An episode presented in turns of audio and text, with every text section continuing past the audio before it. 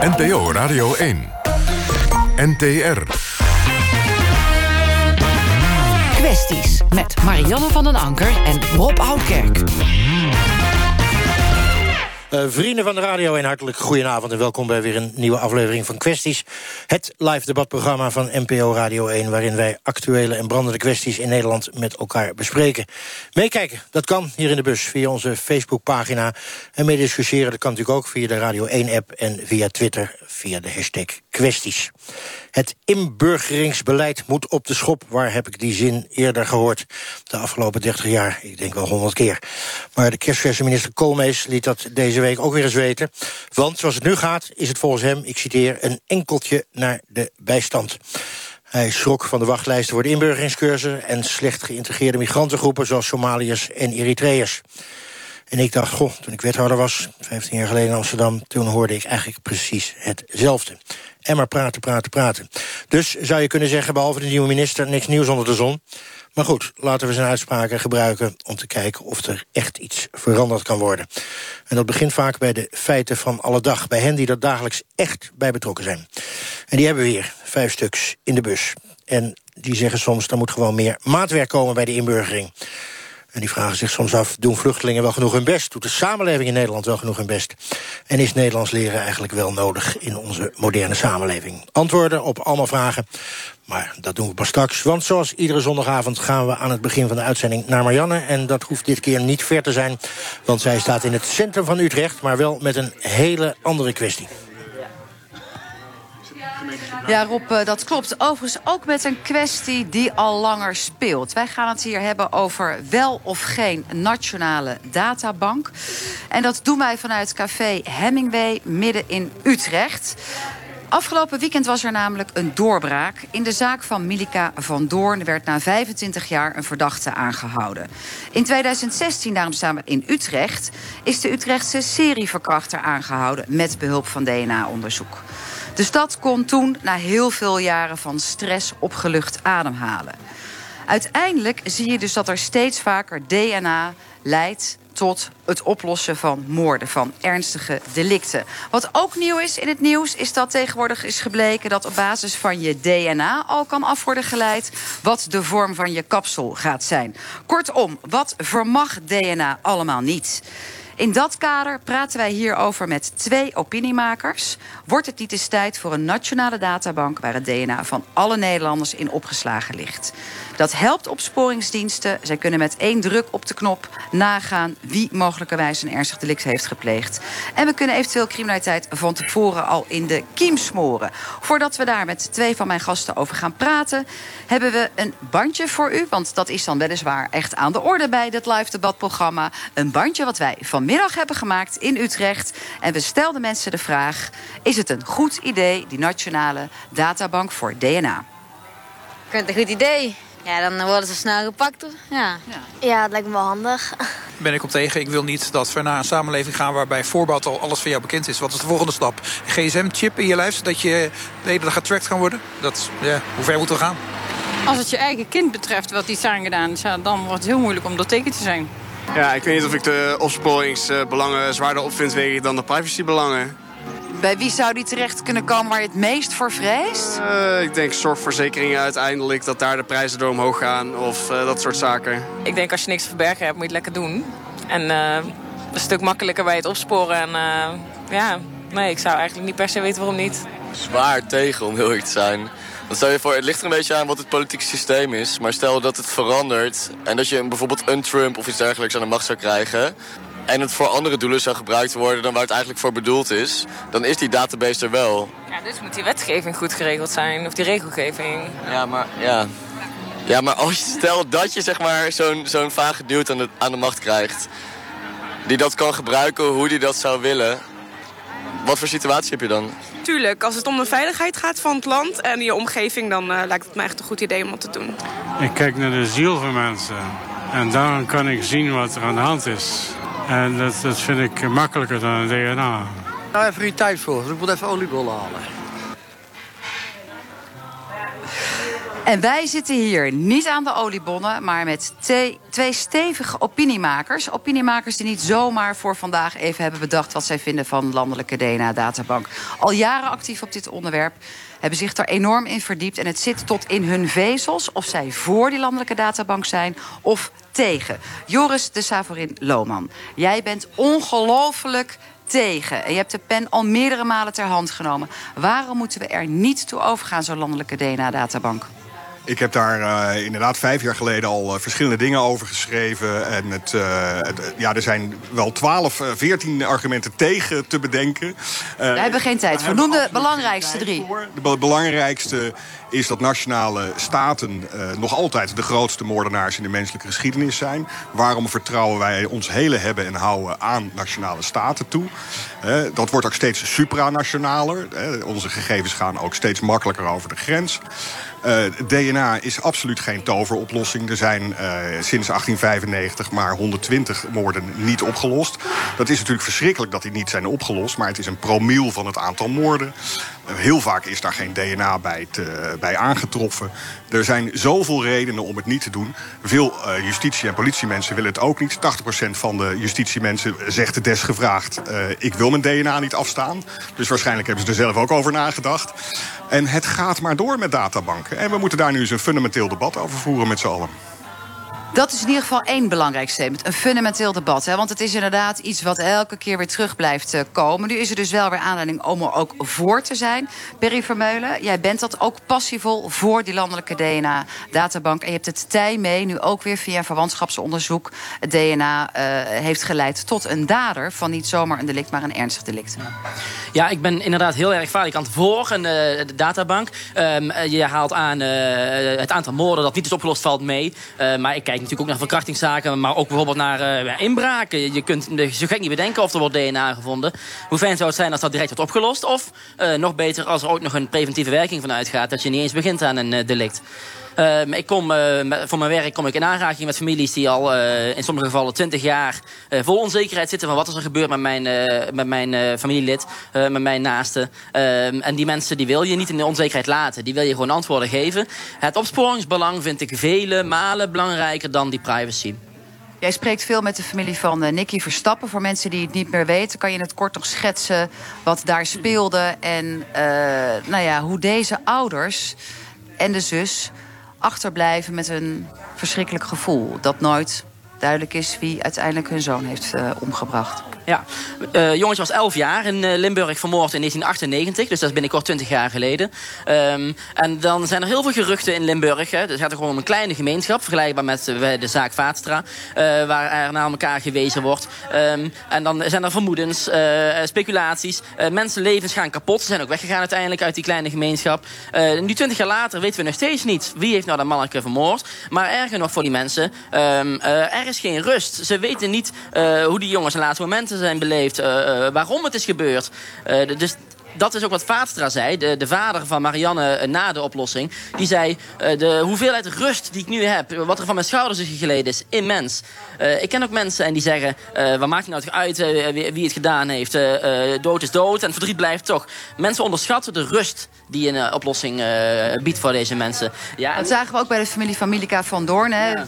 Dat nu duidelijk is dat het DNA heeft geleid naar een, een Turkse vader van vier kinderen. Ja, bijna niet voor te stellen dat die persoon ook nog zo lang een dubbelleven heeft kunnen leiden... en deze zware misdaad met zich mee heeft kunnen dragen. Um, we hoorden uh, Joris Safri-Loman het zeggen... ja, politie en justitie willen het ook niet. We hadden de directeur van het NFI voor vandaag uitgenodigd. Die mocht helaas niet spreken, want dat valt natuurlijk allemaal onder verantwoordelijkheid van de minister. Um, weet jij hoe er in politie- en justitiekringen over na wordt gedacht? Wel of niet zo'n landelijke DNA-databank? Ja, ik weet dat inderdaad heel veel politiefunctionarissen uh, liever uh, niet hebben dat dit wordt uh, gedaan. Maar wat ik zie, ook bij deze mensen zelfs, is heel veel onbekendheid. Mensen beginnen bijvoorbeeld te praten over bijvoorbeeld erfelijke eigenschappen... of over bijvoorbeeld levensverwachting, de kleuren... De dure kosten voor je ziekteverzekering ja. als het in verkeerde handen valt. Ja. Inderdaad, en dat is mijn grootste argument. Ehm, als er nou meer bekendheid is, dan vervalt het hele argument van die mensen. En ik kan het kort uitleggen. Het is jammer dat het NFI er niet is, omdat je dan echt de autoriteit aan het woord hebt. maar ze zullen bevestigen wat ik zeg. bij forensisch onderzoek heb je 98% van het DNA nodig om tot conclusies te komen. 2% hebben ze niet nodig. Die gaan ze ook nooit gebruiken in zo'n databank. En juist die 2% bevat informatie over bijvoorbeeld... is er suikerziekte in de familie, ik noem maar iets, hè, wat een levensverwachting bepaalt. Dus die 2% die is nooit uh, in, in Den Haag in, in, dat, in die databank. Um, het enige wat ze hebben... zegt, het is, valt eigenlijk wel mee. Als mensen meer zouden weten over de betekenis van die landelijke DNA-databank... dan is men voor Oh, zeker wel. Um, het enige wat ze hebben dadelijk in die databank... als je ooit, uh, God zegene dat het doorgaat... dan heb je ze 17 miljoen cijfercodes. En, een cijfercode kun je niet ontlenen. En ik heb ook uh, Lex horen zeggen van het NFI, Lex Runderkamp... Uh, um, die code mogen ze van mij in een voetbalstadion afdrukken. Iedereen mag die code van mij hebben. je kunt er niet aan ontlenen. En wat, en wat je ook veel hoort, en daar ben ik het ook roerend mee eens... ga maar eens in Zaandam naar de hoofdkantoor van de Albert Heijn. Die mensen weten precies wat ik de afgelopen 10 jaar met kerst gegeten heb. Misschien nog meer. En Facebook wellicht ook nog.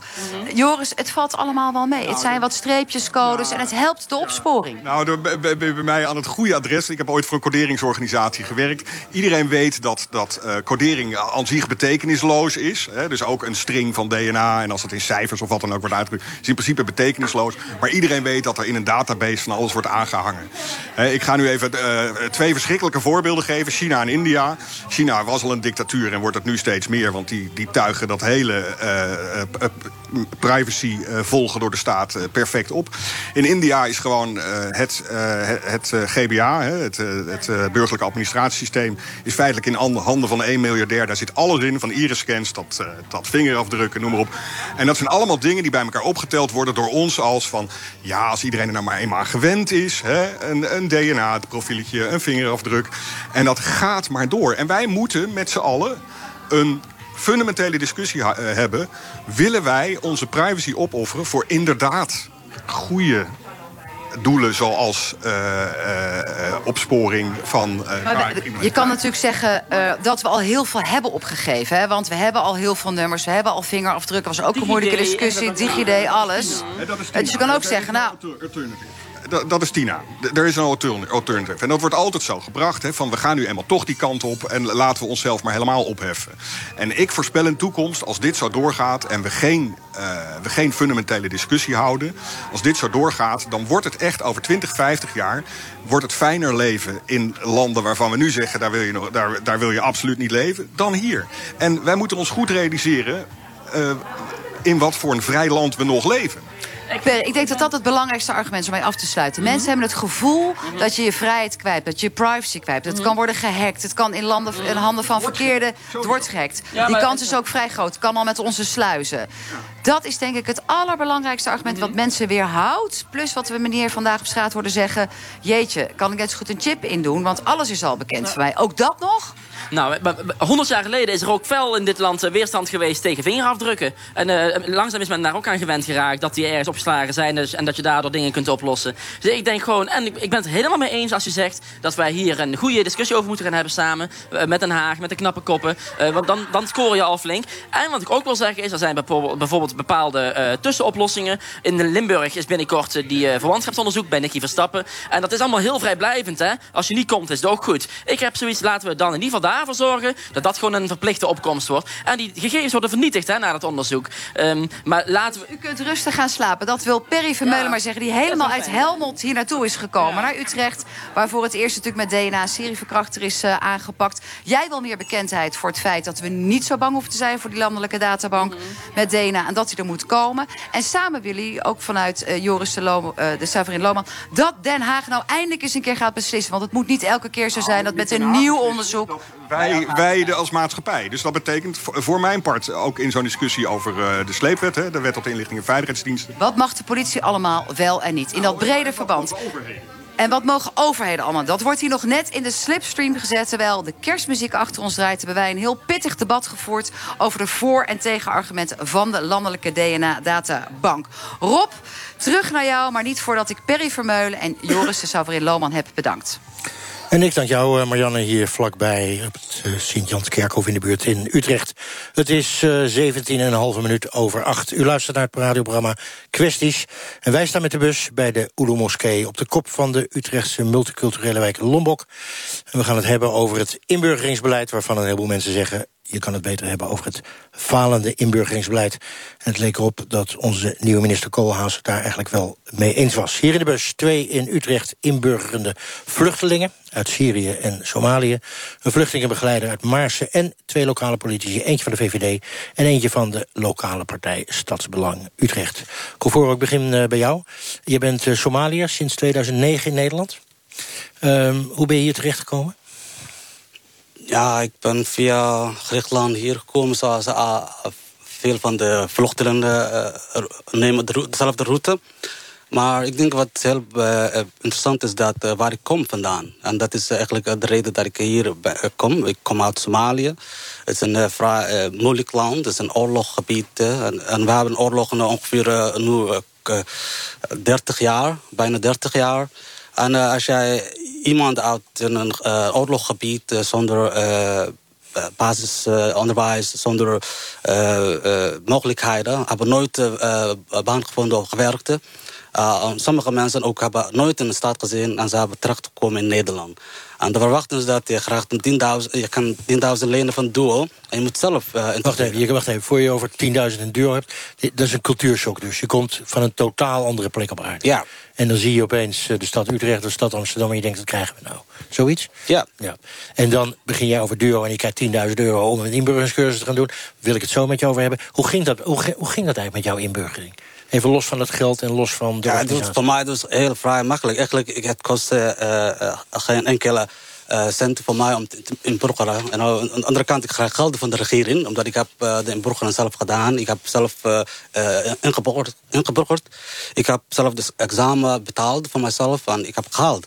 En daar, vandaar heb ik gewoon een premie gehad van, van de regering. Oké, okay. bij jou ging het dus gewoon goed. Nou zeggen een heleboel mensen in Nederland... luister eens, die inburgering van Somaliërs, maar ook Eritreërs... die zou eigenlijk volledig zijn mislukt. Bij jou is het gelukt, maar waarom mislukt het dan bij zoveel?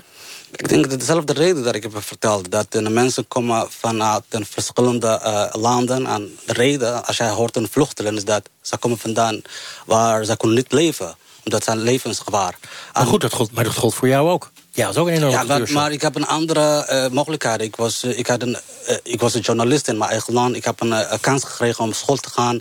Ik was altijd nieuwsgierig om in andere landen te begrijpen. Ik was een Nederlands maar vierde taal, zo ik praat andere talen daarvoor. So, dus, voor jou was het echt heel makkelijk? Voor mij was het echt, echt makkelijk. Maar dat is niet dus, vanzelfsprekend voor alle Somaliërs. Maar hoor ik je eigenlijk... Jij was dus hoog opgeleid, je had al een baan daar, je was al journalist... Is, is dat een beetje een tweede Dat als je lager bent opgeleid en je, je komt uit zo'n land... dat je hier echt kijkt je denkt, wat krijgen we nou? Ja, dat, dat, is, dat is eigenlijk de punt. Uh, waar veel mensen hebben cultuurshock. Aan de andere is dat er zijn niet zoveel ondersteuning uh, wanneer je hier komt. Uh, er een emotionele ondersteuning. Je wordt een beetje aan je, aan je lot overgelaten. Ja, en, ja ik, in, veel, vaak je zit in een asielzoekerscentrum of een opvangcentrum. En dat, daar zit je ongeveer, in mijn geval was het 2,5 jaar, bijna drie jaar. En ik mocht niet werken, ik mocht niet de taal leren. Ik denk dat alles mensen is geïnvesteerd vanaf, vanaf de dag 1. Ja. Uh, dag 1 niet alleen de dag 1 wanneer je stadhouder wordt, maar ja. wanneer je Nederland komt. Gewoon, je komt de grens over en meteen. Maar dat is ook wat het nieuwe kabinet, Rutte 3, ook wil. Van Daarom ben ik het mee eens. Oké, okay, we gaan het straks over hebben. Uh, Abdul Malik, in 2015 aangekomen uit Syrië met die hele grote stroom vluchtelingen die toen uh, destijds naar Europa kwam. Hoe ben je hier precies uh, terechtgekomen? Ik ben net als veel andere vluchtelingen illegaal door meerdere landen gereisd... en uiteindelijk in Nederland beland. En je spreekt vloeiend Nederlands? Uh, ja, ik vind het belangrijk om de taal te leren. Ja, nou, dat heb je nog niet onaardig gedaan. 2015 hier gekomen, sprak je geen woord Nederlands, neem ik nee, aan? Nee. En nu spreek je het ongeveer net zoals ik en jij. Op welke fouten kan ik je nog betrappen?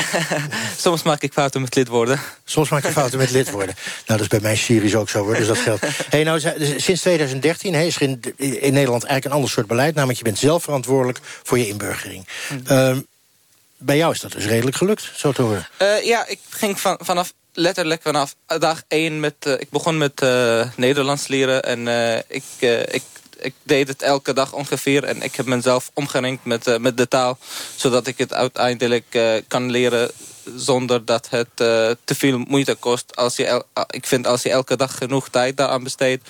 dan lukt het, dan, dan lukt het op, op, je, eh, op, een, op een bepaald moment. Als je nou eh, minister bent en je zit nu te luisteren naar dit programma... zou zou maar kunnen, dan denk je... nou, dat zijn twee succesnummers daar in die bus. Waarom dan niet iedereen? Eh, ja, eh, wat, de, wat de kabinet nu wil, dat, dat ze van, letterlijk vanaf dag één met, met les moeten beginnen. Dat is inderdaad een hele, een hele, belang, een hele slim idee, een heel goed punt. Omdat je anders paar jaar in, AZ, in, een, in AZC zit. Zit je en maar gewoon te wachten. Ja, en je komt, in, eh, je komt geen, Nederlanders, geen Nederlanders tegen. Ze spreekt niet met andere Nederlanders. Dus dan wordt het moeilijk. Oké, snap ik. Want met hoe meer Nederlands je spreekt... hoe sneller je die taal leert, dat, dat is wel duidelijk. Maar goed, het kan ook zijn dat je geen status krijgt... en dat je terug moet. Dan heb je het allemaal voor niks geleerd. Dan heb je wel een taal geleerd. Je kunt het ook zien, zo zien. Zo kan je het zien, dat je, dat je gewoon een taalrijker Ja. bent. Oké.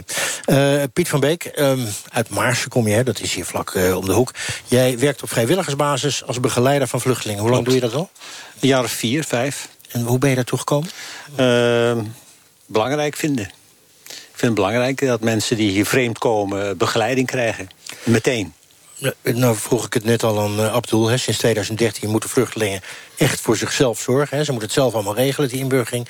Ehm, was dat een goed idee in 2013? Eh, op zich wel. Ehm, er wordt eh, meteen gedacht in faciliteiten. Eh, Duo die geeft dan, of leent dan 10.000 euro. Duo is gewoon de organisatie die daarover gaat, zullen we maar zeggen. Ja. En eh, er worden allerlei particuliere initiatieven. Er worden scholen, die, die bieden dan die lessen aan en zo. Allemaal, allemaal leuk en aardig. Hè. Er wordt dus heel veel geld geïnvesteerd in het aanbod. om mensen die willen, moeten inburgeren, om die in te burgeren. Aanbod over, zeg jij. Dat is geen probleem. Ja, geen probleem. Ook beunhazen? Eh, misschien wel. Maar eh, dat, dat, veel concurrentie onderling. Veel slechte. Maar ook goede opleiders. Maar hoe weet, wacht even. En ik kom dan uit Syrië in 2013. Dan, dan, en, ik, en ik moet inburgeren, dan weet ik toch niet wie, waar, waar de goede en waar de slechte zitten. Nee, en daar word je dus wel in begeleid. Hè, Er worden mensen als ze een status krijgen... en dat is niet op het AZC al meteen... eh, maar ik vind dat ze... eh, elke vluchteling die op het AZC zit... en later ook als ze een, een woonplaats ergens eh, woning krijgen... dan moeten ze gekoppeld worden aan een Nederlandse eh, sprekende persoon.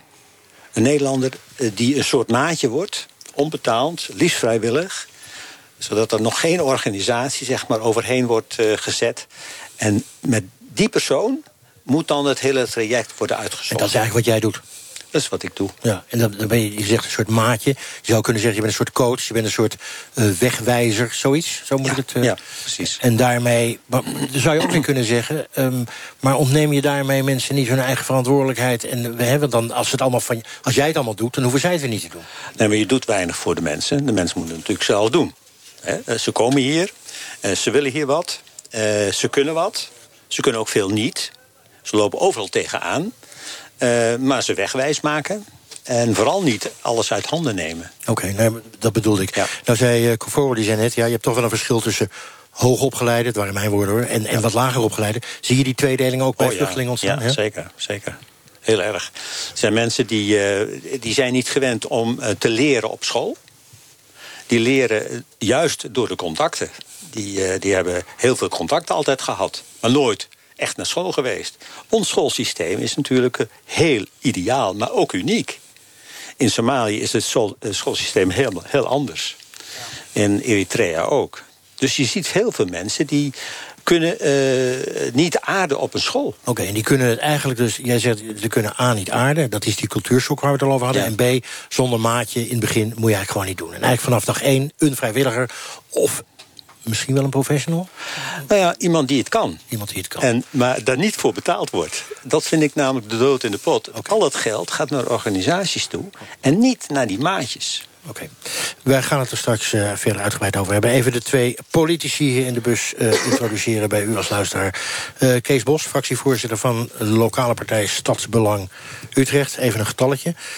sinds vluchtelingen zelf voor die inburgering moeten zorgen...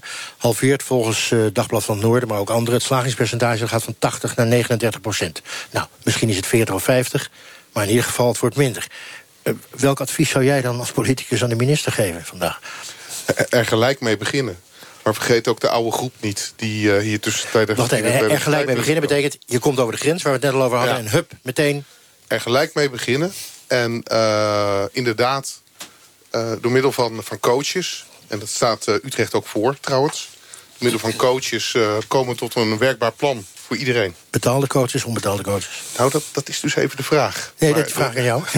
een gemeente of een, een, een, overheid heeft vaak de neiging om de boel te institutionaliseren om, uh, om het inderdaad uh, te gaan betalen. En dat is een slecht uh, verhaal, inderdaad. Klopt. Je zou ook kunnen zeggen, um, als het betaald wordt... dan kan je er iets mee verdienen. Dus daar trek je natuurlijk uiteindelijk ook mensen mee.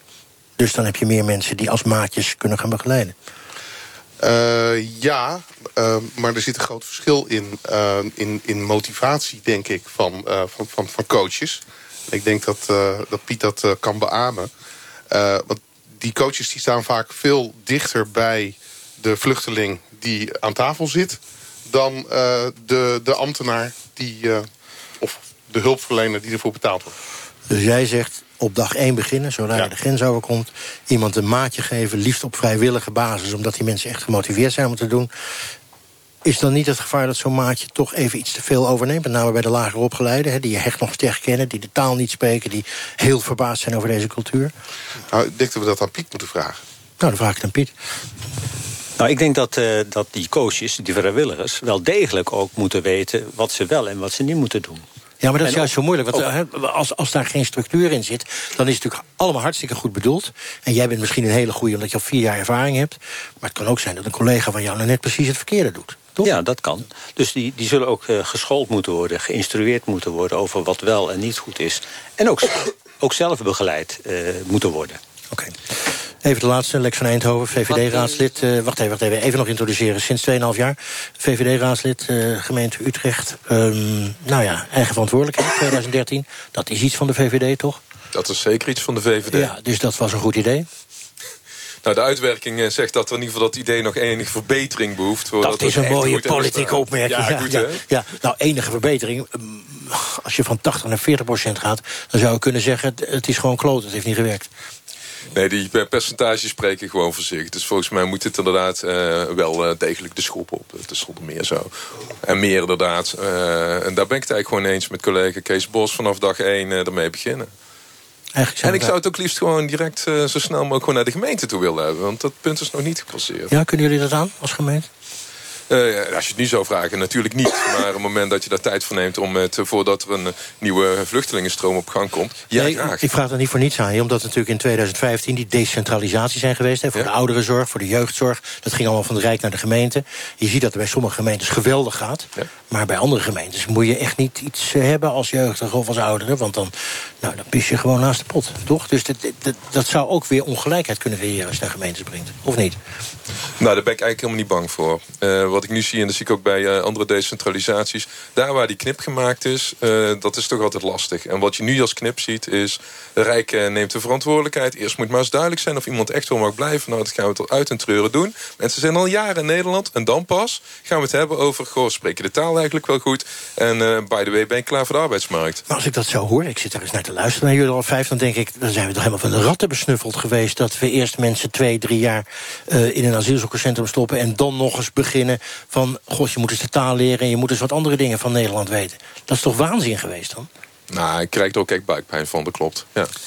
Het is uh, één minuut over half negen. We hebben in ieder geval één iemand al met buikpijn. We gaan um, uh, over een aantal dingen praten um, als het gaat over die inburgering. Ik zou er maar een beetje in kopjes doen.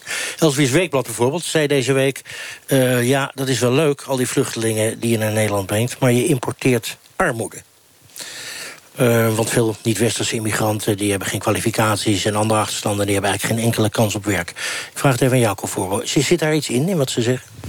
Nee, ik, ik zeg het niet. Eigenlijk uh, vluchtelingen, mensen komen niet, niet importeren armoede... maar importeren heel veel talenten, heel veel perspectieven, innovatie... En uh, eigenlijk het probleem met vluchtelingen vaak is niet alleen de, hoog, de, de niveau van zijn uh, onderwijs, maar ook van, wat zijn verwachtingen is. Er zijn hoge verwachtingen wanneer mensen vertrekken van, van, van Afrika of van het Oosten En wanneer ze hier komen, de realiteit is helemaal anders. En, Te hoge verwachtingen dus. Ja, te hoge verwachtingen. En eh, de realiteit is helemaal eh, ongelooflijk anders. We komen even terug op je eerste zin, want je zei nee, je importeert geen armoede, je importeert talenten. Het is een prachtige zin, zou een reclamezin kunnen zijn, maar is dat ook wel de realiteit? Want je zegt net zelf, ja, bij mij ging het allemaal wel goed, maar bij mensen die het iets minder goed hebben, qua opleiding of wat dan ook, loopt het allemaal mis. Ja, er, is, er zijn heel veel mensen die, nou, individueel, als je, als je kijkt, eh, eh, de mensen die zitten in mijn, in mijn contacten, eh, je ziet heel veel mensen die hebben nooit school gegaan, maar zitten met heel veel talenten. Bij- Bijvoorbeeld Somalië is bekend voor poëzie en, muziek en zul- zulke dingen. En eh, omdat, mensen kunnen niet de taal praten, eh, ze kunnen niet laten zien wat hun talent is. En integratie is niet alleen de taal, is heel belangrijk, met maar ook de arbeidsmarkt en, en samen doen met de Nederlandse samenleving is meer dan de taal. En ik, alles eh, de, de vluchtelingen, eh, mensen was eh, gemotiveerd om veel eh, van talent te laten zien. Kunnen ze eh, Nederland zien wat, wat de vluchtelingen importeert. aan Oké, jij zegt dus eigenlijk, er zit wel veel talent, maar je moet een hoop investeren om het eruit te halen. Ja. En dat is niet makkelijk. Abdul Malik, komt er veel armoede uit Syrië vandaan? Eh, ik denk van niet, nee. Want Sy- Syriërs zijn niet eh, gevlucht door eh, armoede of iets dergelijks... maar eh, eh, door de oorlog.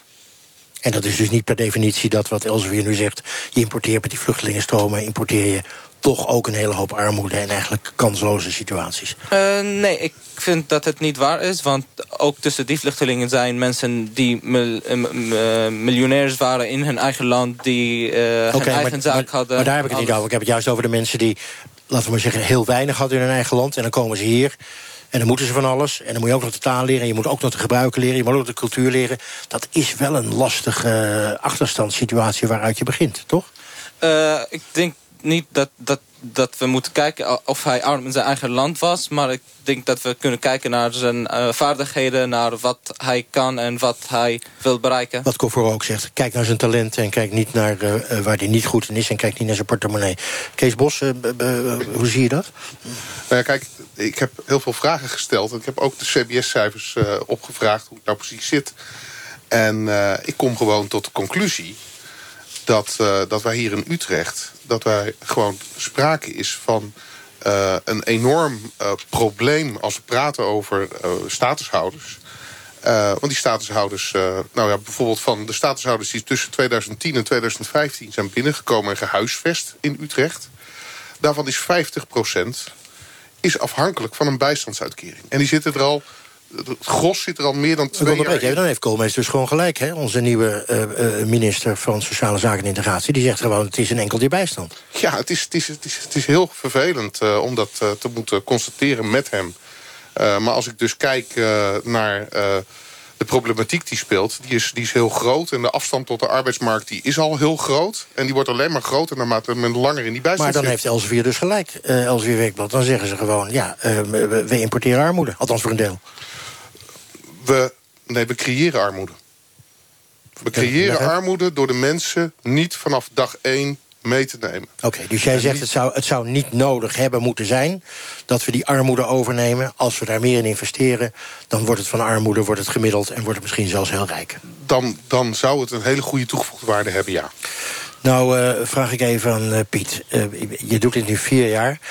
Er is een soort algemene, nou, wel eens een opinie in Nederland... van ja, die vluchtelingen doen zelf niet genoeg hun best om eh, hierin te burgeren.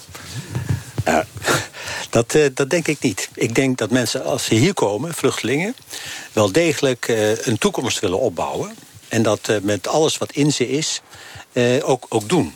Hè, eh, hoe, komt dat dan, hoe komt dat dan in de wereld? Dat mensen altijd zeggen, ja, die willen de taal niet leren... en die, doen, hè, die, lo- die, die lopen de randjes eraf. Dat hoor je toch heel vaak? Nou, dat, dat komt omdat er zoveel mensen in de bijstand eh, zitten. Hè? Dat getal wat je net noemde. Eh, dus ja, wij leven van getallen. Dus dan is het ook zo. Hè? Maar wat ik zie is dat heel veel mensen heel hard en, en gretig naar die toekomst willen. Hun kinderen een opleiding willen geven. Zichzelf zeg maar, een toekomst willen, willen bieden. Maar wacht even, Piet, want jij zegt wij leven van de getallen. Ja. Dat doen ze natuurlijk in de Tweede Kamer, dat doen ze vaak in de gemeenteraad... en de getallen zijn heilig. Zeg jij eigenlijk, jongens, kijk eens wat minder naar de getallen... en kijk eens meer naar die vluchtelingen? Ja, dat zeg ik eigenlijk, ja. Wat meer naar die vluchtelingen. Kijk, de vluchtelingen eh, werken met vluchtelingen als vrijwilliger, maar ook als professional, zou dat moeten, is een wisselwerking. Ehm, je leert eh, aan vluchtelingen de taal. Maar je leert van vluchtelingen wat ze graag willen. Wat hun toekomstbeeld is. Ehm, en dat is niet armoede. Echt niet. Nee, dat zal niemands toekomstbeeld zijn. Dus dat toekomstbeeld, dat moet je goed horen. Je moet goed luisteren naar vluchtelingen van wat wil je. En daarna pas de vraag van wat heb jij nodig? Maar hebben al die, ik zit even te, te, proberen dat wat we al besproken hebben met elkaar eventjes te recupereren. Hebben we dan met elkaar echt een beetje verkeerd aangepakt door op basis van getallen te zeggen, nou we gaan eens die regel doen, we gaan eens die regel doen. Terwijl je als je mensen zoals jij, Piet, hebt, en er zijn vast honderden Pieten en heel Klaassen. veel- heel en Jan- veel, eh, vrijwilligers. En, en heel veel, het land wemelt van de vrijwilligers. Ja, ja, Eh, Luister eens naar die mensen en maak je beleid afhankelijk van, laten we maar zeggen, wat je hoort van die mensen. Dat is het, ja. We luisteren veel te weinig van eh naar vluchtelingen wat zij graag willen. Maar ook naar hun begeleiders, die het waarschijnlijk iets beter En weten. ook naar die begeleiders, ja. Hey, Abdul Malik, eh, heb jij het idee dat sommige van jouw landgenoten er met eh, de pet naar gooien? Eh, ik denk dat sommige vluchtelingen inderdaad zichzelf in de vinger snijden... door eh, als het om hun eigen integratie gaat. Want eh, veel vluchtelingen hebben een, een hoog, hoge verwachtingen... en die willen gelijk gaan werken of gelijk gaan studeren. Maar tegelijkertijd eh, is, het, eh, is het nodig om voordat je gaat studeren of gaat werken... dat je de taal leert. En sommige mensen beseffen dat op, een van, op, een, op de een van de... Of ja, de is het alleen een besef of hebben ze er gewoon geen zin in?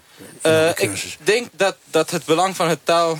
eh, ik, ik heb het gevoel soms dat ze het belang van het taal niet helemaal begrijpen. Nou, nou vraag ik het even aan jou, want jij zit in de ICT eh, in Eindhoven volgens mij. Heb je daar eigenlijk wel Nederlandse taal voor nodig? Dat is toch allemaal Engels? Eh, nee, mijn opleiding is inderdaad, inderdaad in het Engels. Ja, nee, maar dat is wel interessant. Want we- we- wij leiden natuurlijk iedereen netjes op in de Nederlandse taal. Toch zie je tweetalige scholen als paddenstoelen uit de grond. Spaans, Chinees. We hebben een mondiale globalisering van heb ik met jou daar. Moet dat Nederlands eigenlijk wel? Eh, ik vind van wel. Ik vind eh, dat je alles moet, als je eh, gaat integreren, dan moet je de taal leren. Als je een deel van deze samenleving wil zijn, dan moet je de taal leren. Als je de mensen om je heen wilt begrijpen, wil begrijpen, dan moet je ook de taal leren. En al die expats die hier eh, voor heel duur geld komen werken... uit Londen en uit Parijs... en die komen hier allemaal ehm, eh, voor hele mooie dure banen... die spreken na drie jaar nog geen woord Nederlands. Eh, ja, die hebben het niet nodig. En die zijn niet hier om te, te gaan leven. Die, die zijn hier puur om te, te komen werken. Lex, ehm, nog even die maren van dat vluchtelingen... eigenlijk niet genoeg hun best doen om in te burgeren. Zit daar wat in of is dat ook allemaal maar verhalen? Ik, eh, ik kan er niet over praten, eerlijk gezegd. Tenminste, Dat is altijd de motivatie van de mensen. Maar we helpen ze niet door de wijze waarop we het hier georganiseerd hebben in Nederland. Eh, het is al een ingewikkelde... Gedemotiveerd misschien zelfs. Ja. Nou ja, waar het mij om gaat is... eh, best, we zitten best in een ingewikkelde samenleving. Eh, mensen komen uit een moeilijke situatie. Eigenlijk standaard. Als je vluchteling bent, kom je standaard uit een moeilijke situatie. Eh, in Nederland krijg je op enig moment, als je door de hele molen bent... heb je een uitkering. dat creëert heel raar, maar dat creëert een vorm van rust. Ik heb in ieder geval stabiliteit in mijn leven. En ik snap dat je op dat punt je motivatie kan verliezen... om nog verder te investeren in de samenleving. En daar, daar laten wij als Nederland gewoon iets liggen. En dat moet je vanaf dag één eh, oppakken. En laten wij ook iets zien in onze samenleving... dat is misschien lang niet bij iedereen... maar soms wel eens tussen alle regels door... van nou ja, we zijn jullie liever kwijt dan rijk. Nou, die men, dat, eh, dat, proef je ook in de samenleving. En eh, dat is erg. En dat, maar het is ook een gegeven. En dat gegeven maakt ook... eh, ja, goed, dan kom ik terug bij wat onze premier ooit eh, geroepen heeft. Ja, mensen moeten zich ook invechten. Dat invechten hoort er wel bij. En laat zo zeggen, en mensen hebben dat volgens mij ook laten zien... dat die bereidheid er is. Je bent niet voor niks hier terechtgekomen. Maar dat gaat dus wel even door... voordat je inderdaad eh, op de een of andere manier een plek hebt in, in Nederland. Maar het invechten is natuurlijk ook weer moeilijk. Als je uit een land komt waar oorlog was... waar je niet voor niets gevlucht bent... dan zal de motivatie om heel sterk en energiek in te vechten... ja, dat heb je toch ook niet meteen, zou je zeggen. Piet? Nou, dat invechten, dat, eh, dat gebeurt door je netwerken. Kijk, elke vluchteling die hier komt... eh, is belangrijk dat hij een netwerk heeft of creëert. En dat netwerk, dat zorgt voor dat je ergens voet aan de grond krijgt... of een voet tussen de deur. Netwerk belangrijker nog dan taal? Eh, nou, dat gaat gepaard met elkaar. Gaat gepaard met Alle, allebei tegelijk. Allebei tegelijk. Nee, ik vraag het omdat iedereen zegt, ja, en dat, dat zeg jij ook, Abdul, van als je je wil inburgeren, dan is het eerste wat je moet doen, eigenlijk van dag één, is die taal leren. En dat heb jij in twee jaar ook eh, eh, redelijk goed, of misschien zelfs fantastisch gedaan. En eh, vanaf dag één, dat zegt de minister ook, en eh, Rutte zegt zelfs, dat taalniveau moet nog omhoog, hè, bij die inburgeringscursus. Er zijn namelijk ook mensen die daar vraagtekens bij zetten. We hebben er een gesproken, wetenschapsjournalist Marga van Zundert. Luister even mee. Ik vind dat in uh, sommige gevallen taalintegratie uh, vertraagt. Taal is vaak uh, moeilijk te leren, zeker voor volwassen vluchtelingen. Terwijl zij sommigen ook goed Engels kunnen spreken. Ze bijvoorbeeld een opleiding zouden kunnen gaan volgen of gaan werken en zich daar prima redden.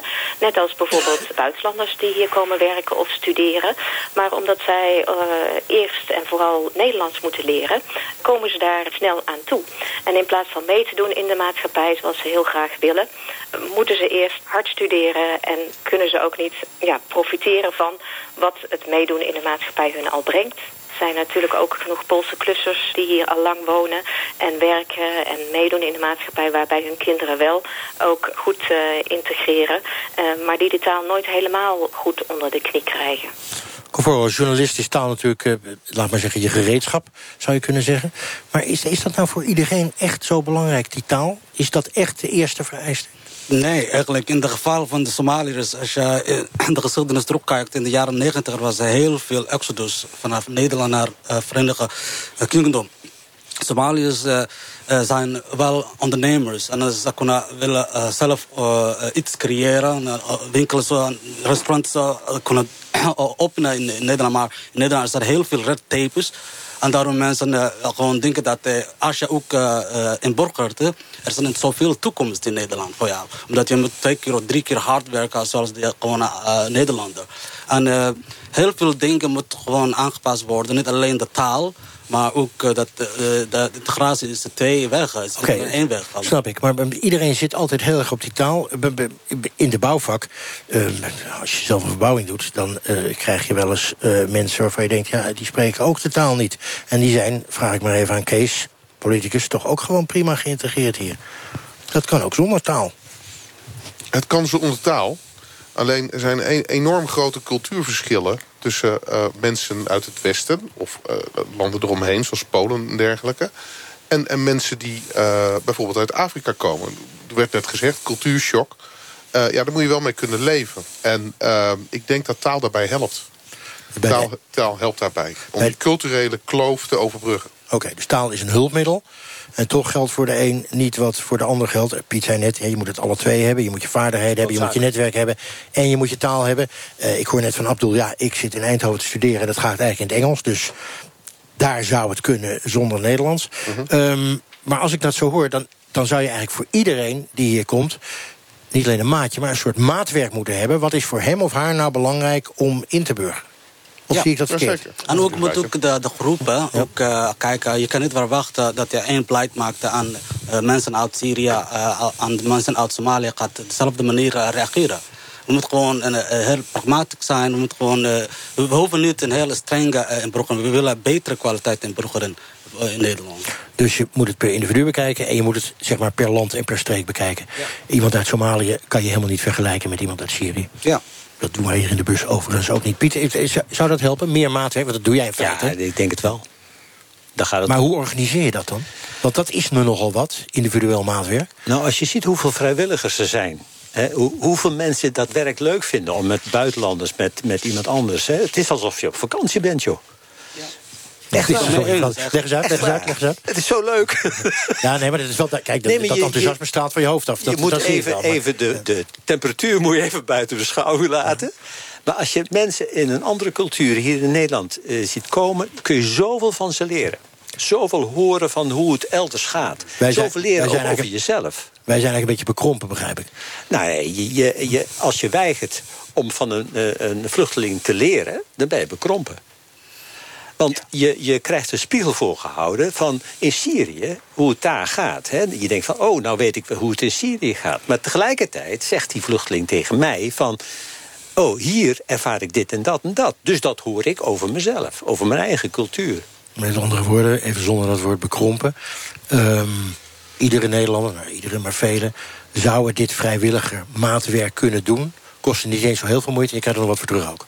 Ja, Geen geld, maar... En mijn ervaring is dat heel veel mensen ervoor opteren. Iedereen, want er zijn heel veel mensen die dit graag doen. Ehm, en waarom, waarom zou je zich geen gelegenheid geven? Dan zijn er ook mensen, zoals de 23-jarige Zorin Houzi uit Afghanistan... die wij spraken, die helpt landgenoten namelijk met inburgeren in Nederland. En die vertelde het verhaal van een vrouw die jarenlang in Afghanistan als kapster heeft gewerkt... maar hier met zoveel regeltjes en zoveel papierwerk wordt geconfronteerd dat het er gewoon niet lukt om hier als kapster te werken. En als je niet als kapster gaat werken, dan sta je niet tussen de Nederlandse mensen. En dan leer je natuurlijk weer veel moeilijker die taal. Um, ik kan mij voorstellen, Coforo, dat wij onszelf daarmee in de vingers snijden. Ja, ik denk dat uh, er zijn heel veel afstand tussen de, de Nederlandse bevolking, Nederlandse politici en de vluchtelingengroep. Mensen praten over uh, vluchtelingen, niemand praat met vluchtelingen. En uh, niemand kijkt wat, is belangrijk, wat zijn de belangen van de vluchtelingen mensen. En, en doordat, we moeten ook gebruik van maken, oude vluchtelingen mensen, die hebben affiniteit met de vluchtelingengroepen. Die kunnen goed begeleiden. Senioren dus, die ja. junioren begeleiden. Ja, dat is een heel effectief en efficiënte manier dan als, als je als Somaliër ontmoet andere Somaliër. Uh, ik zie een andere begeleider van Nederlandse uh, uh, cultuur. So dat helpt goed. En ik, denk dat we kunnen heel veel beter kunnen doen als wij de, de, informatie we krijgen van IND. ik hoor van de minister Koolmans dat hij wil scan doen. Dat deed Nederland al in, in IND. Eerst gehoord hoor jij, vertel je, doorgeef je alles over jouw persoonlijke gegevens. Je taalniveau, jouw onderwijsniveau, alles. En alles dat informatie is gedeeld met de COA en de vluchtelingenwerk en alle instanties die betrokken met de vluchtelingen, kunnen we heel snel kunnen gebruik maken van deze informatie als basis. En als we gebruiken andere vluchtelingen die begeleiden aan de mensen, kunnen we ook heel veel beter kunnen doen daar. Oké, verhaal is duidelijk. Nou nog even, want we zijn niet voor niets in Utrecht. Um, dat is ook in de lokale politiek altijd in uh, discussie natuurlijk. Dat uh, vluchtelingenbeleid en integratie en inburgering. En de opvang van asielzoekers in de Utrechtse wijk Overvecht, dat is hier niet heel ver vandaan. Die stuitte vorig jaar op veel verzet, want Overvecht had toch al zoveel migranten. Maar wethouder Kees Diepeveen hier... die wou er een soort model AZC van maken... waarin plek is voor zowel asielzoekers als jongeren.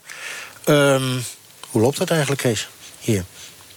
Ja, kijk, eigenlijk voordat... Uh, dat asielzoekerscentrum geopend is, was het al niet meer nodig werden we oh, lekker dan.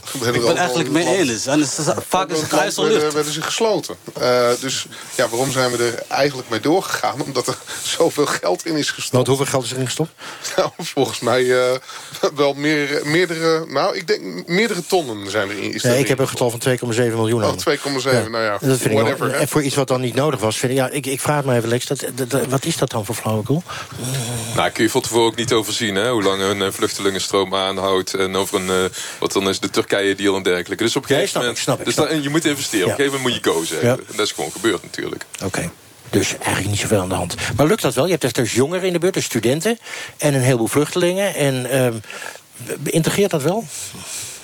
Uh, nou, op dit moment, ik hoor eigenlijk, uh, als je een overvecht krijgt... levert dit geen extra probleem op. Ik, nou, ik verwoord het natuurlijk heel voorzichtig, als ik het zo zeg. Uh, maar volgens mij ja, gaat het in dat opzicht goed. Alleen wat niet goed gaat... Uh, als wij nu kijken naar uh, ons bijstandsniveau... wat we toch heel graag onder de 10.000 hadden gehad... dat is een enorme instroom en die uh, neemt niet af op dit moment. En dat, en dat heeft hier weer mee te maken? En dat heeft hier mee te maken. Ja, ik heb, ik heb er wat onderzoek naar gedaan. Ik heb vragen gesteld. En uh, ik had het net al over die periode 2010-2015... waarbij er nog steeds 700, 750 uh, statushouders... eigenlijk zeg maar 50% in de bijstand zit. Maar ook als we kijken naar, naar, naar de instroom in de bijstand... en we kijken naar het opleidingsniveau van de, de, de vluchtelingen dan, dan moeten we echt constateren dat we serieuze problemen hebben. En dan is niet alleen taal is, uh, is nodig... maar ook uh, opleidingsondersteuning is absoluut nodig. En dat ik dan zie dat er maar 50 statushouders per jaar uiteindelijk een opleiding gaan doen... Veel te weinig, mij ernstige zorgen. Veel te weinig. Dus het is, we moeten er ook niet te simpel over denken. Het is niet, je leert de taal dan komt het wel goed. Er zit veel en veel meer omheen.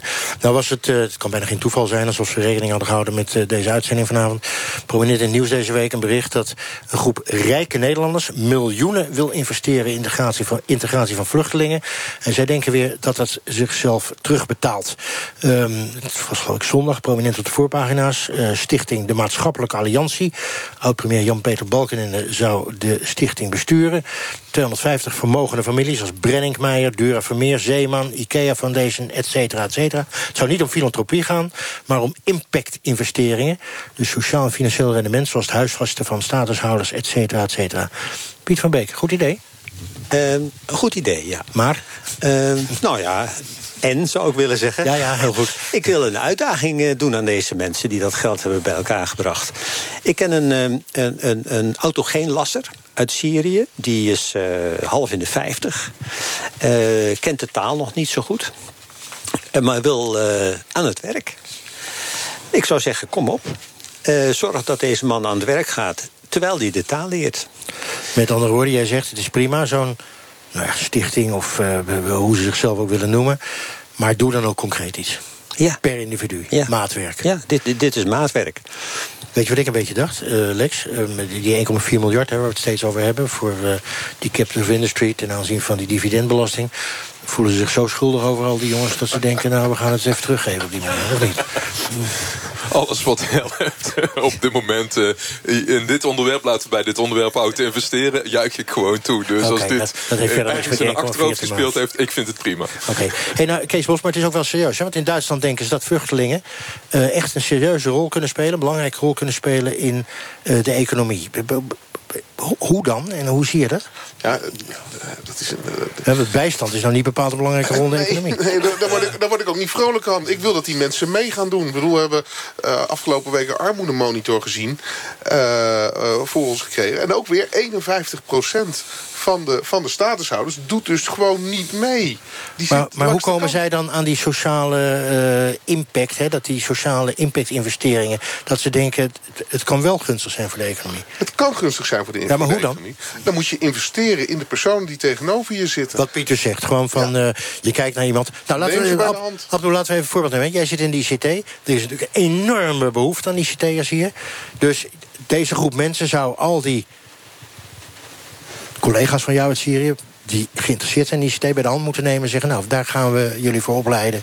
Dat doen we met taal, dat doen we met begeleiding, zoiets. Ja, als de mensen, zijn, eh, als de mensen dat willen en dat, eh, eh, en dat willen bereiken, dan, dan kan het door gewoon midden, door gewoon door, door, door hen te helpen, door, door inderdaad in hen, in hen te gaan investeren en, en adviezen te geven en te laten zien hoe het kan en hoe het moet. Oké, private investering dus. Private investering in inburgering. Is dat dan misschien, vraag ik Lex, de oplossing... voor een misschien al tientallen jaren... toch op sommige punten falend inburgeringsbeleid? Nou, laat ik zo zeggen. Ik zie het toch e- eerlijk gezegd als noodverband op dit moment. Ik vind ook dat we gewoon publiek er handiger mee om moeten gaan. En ik ben voor het maatwerk. Ik ben eigenlijk ook vanaf dag één. We focussen niet heel erg op taal. Hè? Maar het gaat dus inderdaad ook op vakopleidingen. Zorgen dat mensen gewoon ook zo snel mogelijk... Eh, inderdaad, hè, wat ik ook net, eh, wat Kavoero ook zei... van weet eigenlijk vanaf dag één wat iemand in huis heeft. Nou, als we dat weten, kan er gewoon het vertrekpunt zijn om... en dan wel inderdaad een individueel eh, investeringsplan op iemand te zetten. En daar kan ook met publiek geld, hoor. En dat moet ook eigenlijk met publiek geld. En Nou, ook voor lage scholden. Zegt Piet nog even, met name ook voor laagscholden. En daarmee zijn we eigenlijk rond. Ik zei aan het begin van de uitzending... dit horen we natuurlijk al tientallen jaren... dat het inburgeringsbeleid niet goed is, dat we het anders moeten doen. Stel, wij zitten over vijf jaar weer in deze bus op deze plek, eh, Piet. Is het dan wel geregeld? Je zit me aan te kijken, dat is ook een hele nare Kijk even naar de politica. politica. Nee, nee, nee, ik vraag het juist aan jou. Nee, ik vraag juist aan jou. Nou, ik, de, de, de motivatie, als ik zie hoeveel motivatie er is... dan heb ik eh, hoop genoeg. Eh, nou, de realiteit biedt te zeggen natuurlijk dat mensen... Ja, hoop is prima. Heb je ook geloof? Eh, ja, ik geloof er ook in, ja. ja. Ik geloof dat geloof, hoop en liefde dan samenkomen. ja, ja, En, ja. en dan veel liefde voor die Nee, vluchtelingen, maar- dan nee, lukt het wel. Dan, heb je een punt. Wat, wat mij drijft is precies... eh, en, en wat denk ik heel veel mensen ook in de politiek zouden moeten doen... eerst zeggen van, hou ik een beetje van die mensen. Hou ik een beetje van die vluchtelingen. Want als je zegt van, eh, ik ben ze liever kwijt aan wacht even, Piet, als je beleidsambtenaar bent op het ministerie van Sociale Zaken en Integratie... dan zie ik je niet als je 's ochtends binnenkomt eh, de vraag te stellen... hou ik van die vluchtelingen, toch? Maar je vindt dat ze het eigenlijk wel zo moeten Ja, doen? ja, ja, ja. Vind ik noodzakelijk. Ze zouden allemaal een beetje Piet moeten Dat hoort, nou, dat hoort bij je motivatie. Anders, anders moet je dat werk niet doen. Kees? Ja, als we hier over vijf jaar weer zitten... dan hoop ik dat we inderdaad daar enorm, eh, enorm op, eh, op gescoord hebben... en die mensen ook e- feitelijk geholpen hebben. Maar er zitten ook mensen bij, en dat moeten we, dat moeten we nu niet vergeten... er zitten ook mensen bij die het niet willen. Die niet willen integreren, eh, die ook de taal niet willen leren. En, en dat, dat wordt een verloren groep. Als we daar geen beleid op zetten, wordt het een verloren groep mensen die, die, die, waar je eigenlijk niks mee kan. Nou eindigen we toch een beetje in mineur. Maar de grote groep, maar de grote groep daar gaan we het wel voor regelen. Daar gaan we het zeg voor regelen, zeker. En dat zullen jullie, daar heeft Piet wel gelijk in, toch als politici moeten doen. We zijn aan het eind, we kunnen er nog uren over doorpraten. Gaan we ook doen hoor, de komende jaren. Maar behalve praten moet het ook gewoon doen worden. Wij zijn benieuwd naar uw mening hierover. Dus discussieer, ik zei het al, met ons mee op Twitter met hashtag kwesties. Kijk op onze Facebookpagina. Deze uitzending zit erop. Volgende week zijn we er niet, dan is het kerstavond. Eerst ga ik u even vertellen dat zometeen Radiodoc... over de bevlogen groene criminoloog Tim Boekhout van Solingen gaat... die op eigen kosten en met gevaar voor eigen leven... de inheemse bevolking van de Braziliaanse Amazone helpt... in hun strijd tegen de ontbossing. Volgende week is het kerstavond. Dan is kwesties er niet. Maar wij zijn er weer op oudejaarsavond... waarin wij gaan kijken welke kwesties dit jaar minder een kwestie zijn geworden. Ik wens u nu alvast hele mooie, heilzame kerstdagen. Maak er iets moois van. En laat de liefde het altijd winnen. Er wordt gelachen in deze bus. Ik wens u een mooie avond. NPO Radio 1. Het is een schande dat een democratisch land als het onze... klokkenluiders nog altijd in de kou laat staan. Het is een absolute schande dat de overheid klokkenluiders geheel in de kou laat staan. Elke werkdag in De Ochtend. Sven Kokkelman met Stand.nl. Ik vind het een schande hoe wij met klokkenluiders omgaan. De klokkenluiders verdienen een plek waar ze naartoe kunnen. Klokkenluiders, dat zijn mensen die hun burgerplicht doen... maar dan ook tegen hele grote machten botsen. We moeten eens ophouden met het juridisch te bekijken... en we moeten naar de menselijke maat kijken... want we hebben dit soort mensen kei en keihard nodig. Stand.nl Van maandag tot en met vrijdag van 11 tot half 12 in De Ochtend. Op NPO Radio 1. Het nieuws van alle kanten.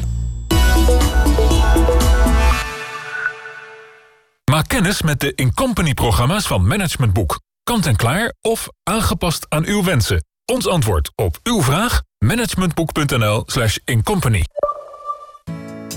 Betaalt u ook nog te veel voor uw zorgverzekering?